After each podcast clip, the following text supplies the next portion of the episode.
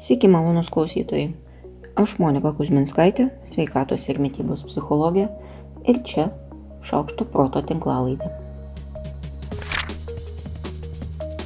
Jausti ir jaustis geriau - kelionė link atsipalaidavimo. Taip vadinasi Leon Winscheid knyga.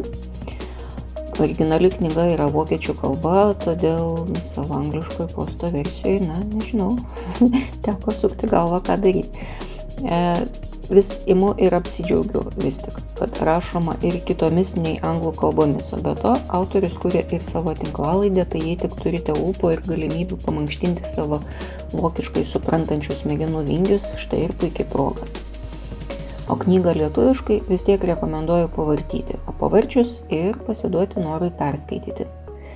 Norą kažkaip sukontroliuoti jausmus, kurie neva tai mus kankina, kausto, verčia daryti vienaip ar kitaip, girdžiu labai dažnai. Man vis skamba panašiai tai, kaip paukštis prašytų parišti sparnus, kad netrukdytų.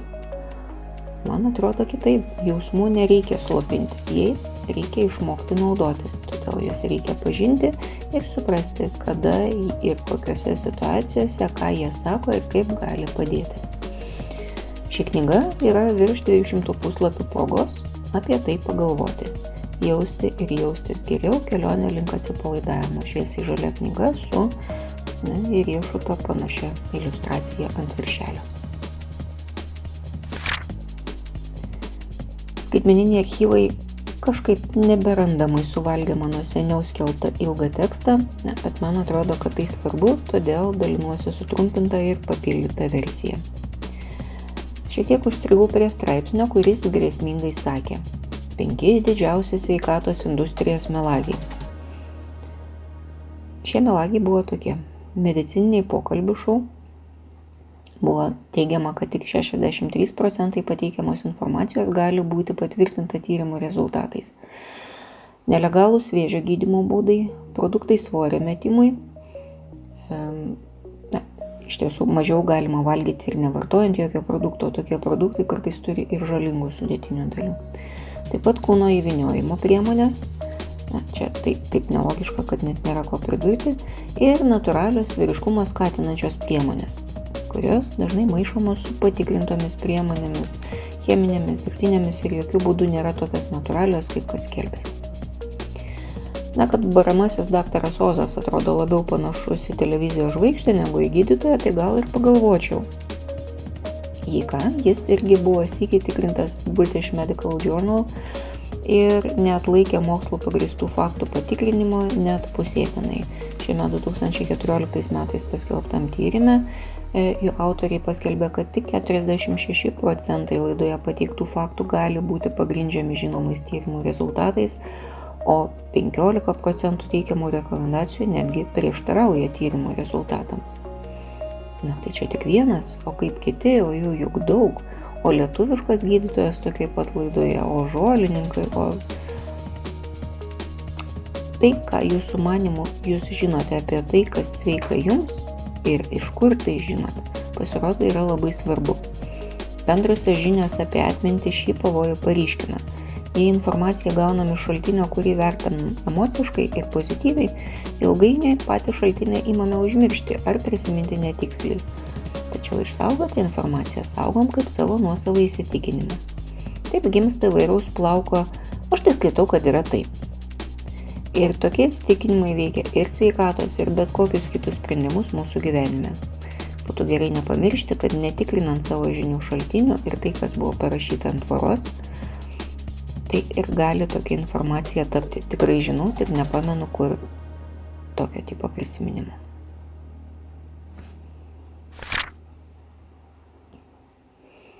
Apie pasaulinį laimės indeksą noriu pasisakyti ir aš. Tekstinių postų komentaruose įdedu nuorodą į šį jau dešimtus metus trunkantį tyrimą. Šiumetinė jo reikšmė mums yra tai, kad iš 52 vietos, kurią užėmėm 2017 metais, mes Lietuva pakilom į 20 vietą. Iš viso tyrimė vertinamos 146 šalis, tai rezultatas tikrai, tikrai labai geras.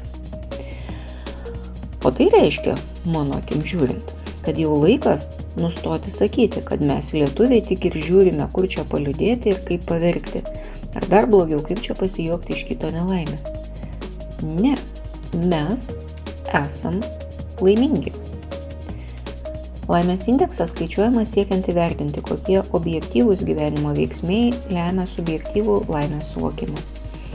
Objektyvūs veiksniai yra prosocialus į kitų gerovę nukreiptas elgesys, sveikata ir ekonominė gerovė. Į tokias grupės tie veiksniai grupuojami.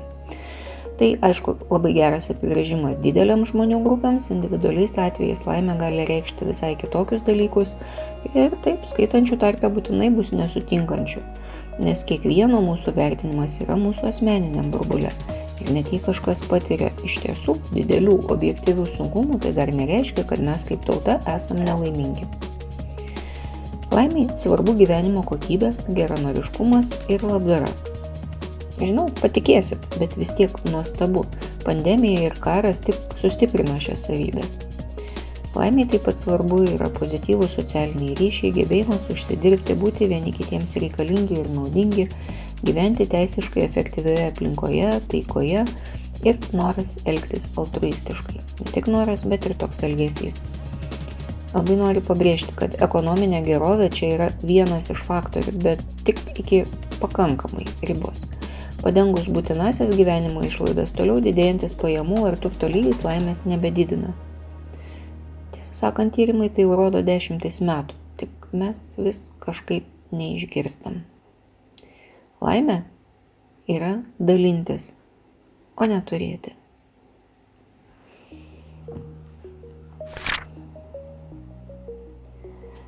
Jei galvojate apie vaikams taikomą prievartą valgyti, ar teigiamai, ar neigiamai galvojat, štai keli dalykai, kuriuos reikėtų apsvarstyti kartu.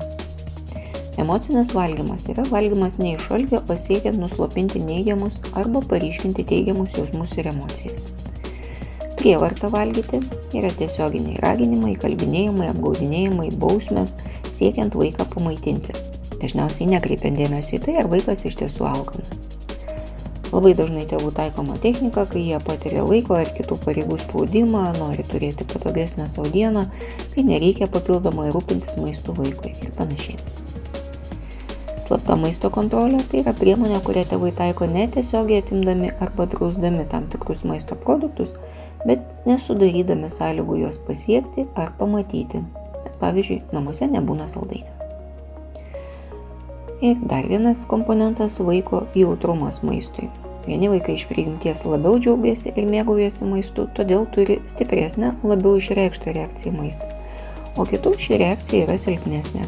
Tai reiškia tik nervų sistemos skirtumus ir nieko daugiau. Jokių slėpučių ieškoti nereikia ir jokių auklėjimo pasiekmių čia nėra. Taigi, dabar iš šių kaladėlių galim sudėti šiam tyrimė nustatytus dėsningumus.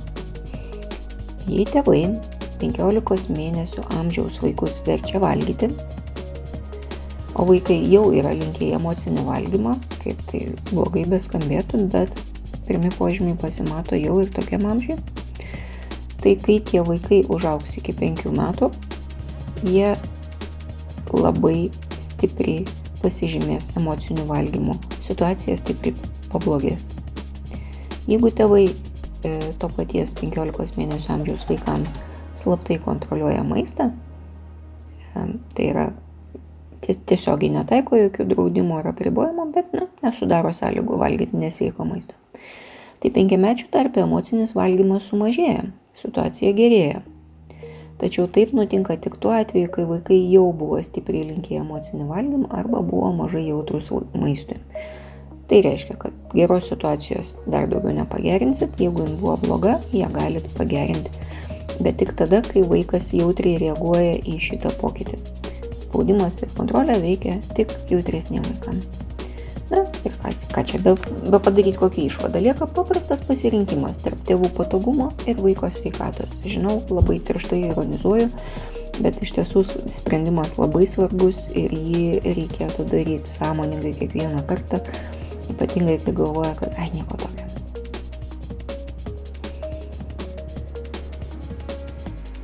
Kibernetiniai temai apie ekranus.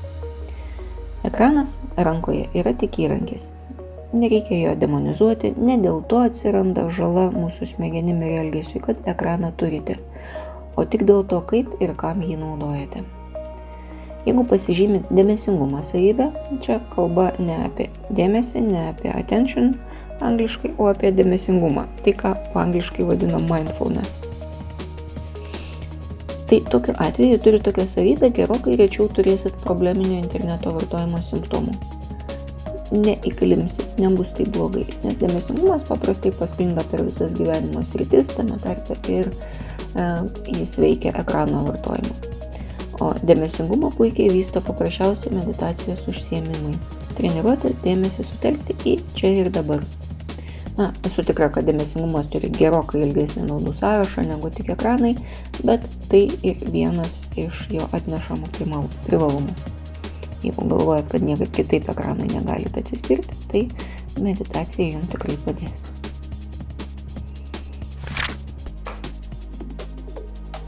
Paskutiniam dienom, eidama per saulėtų šalygatvius ir tiltus, vis prasilenkiu su atrodo nei iš šio, nei iš to besišypsančiai žmonėm.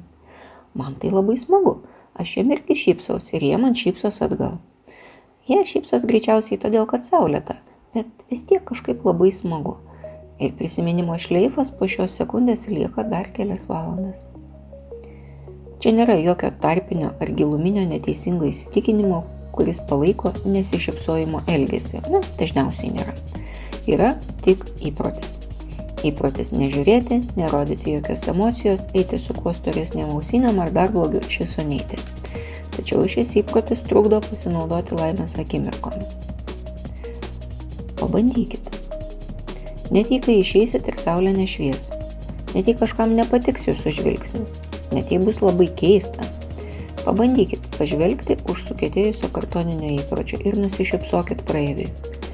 Nedaug, ne taip, kaip juoktumėtės iš jo ar jos, tiesiog pasižiūrėkit jam ar jai akis su nuoširdžia šiluma. Tik sekundį. Jūs greičiausiai niekada daugiau nesusitiksit ir jums niekada nereikės aiškintis, kodėl šipsojotės. Na gerai, nenorit šipsotis šitam konkrečiam žmogui, būna ne visada tai atrodo saugu, bet už jo bus kitas, o po to bus dar kitas. Pažiūrėkit šiltai į kasininkę, į baristą, į žmogų, kuris pasitraukia į šalį tam, kad jūs galėtumėt praeiti. Na, galiausiai jau rytoj niekas apie tai nebeprisimins. Hm, ne, netiesa, jūs rytoj apie tai prisiminsit. Su šypsena. Tai irgi yra elgesio eksperimentas, vienas iš tokių, kokie dažnai naudojami kognityvinė elgesio terapijoje kaip įprastinė praktika. Pats eksperimentas yra skirtas patikrinti įsitikinimo teisingumui. Įsitikinimai yra saliginai tvirti, bet nebūtinai teisingi sprendimai, kuriuos naudojam nekritiškai, nebetikrindami kiekvieną kartą jų teisingumą.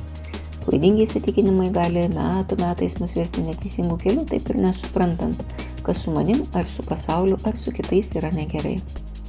O štai eksperimentas leidžia atpažinti klaidas įsitikinime ir stovint akistatoje su nauja informacija pataisyti ir perkonstruoti iš naujo. Jei įmatės elgesio eksperimento, būsiu labai dėkinga, jeigu pasidalinsit savo patyrimais ir komentarais. O jei jums atrodo, kad galbūt turit kažkokį įsitikinimą, kuriam labai praverstų, elgesio eksperimentas, pasidalinkit ir jo bandysim kartu sugalvoti, ką čia būtų galima tuo klausimu nuveikti. Šiai savaitė tiek. Aš Monika Kuzminskaitė, sveikatos ir mytybos psichologė, padedu spręsti kasdienius ir sudėtingus elgesio, mąstymo ir emocijų klausimus. Rašau, skaitau paskaitas, teikiu psichologinės konsultacijas. Mane rasit socialiniuose tinkluose vardu Šaukštas Proto. Rašykit man asmeninę žinutę ten arba elektroniniu paštu adresu šaukštas.proto atgmail.com. Taikos ir ramybės.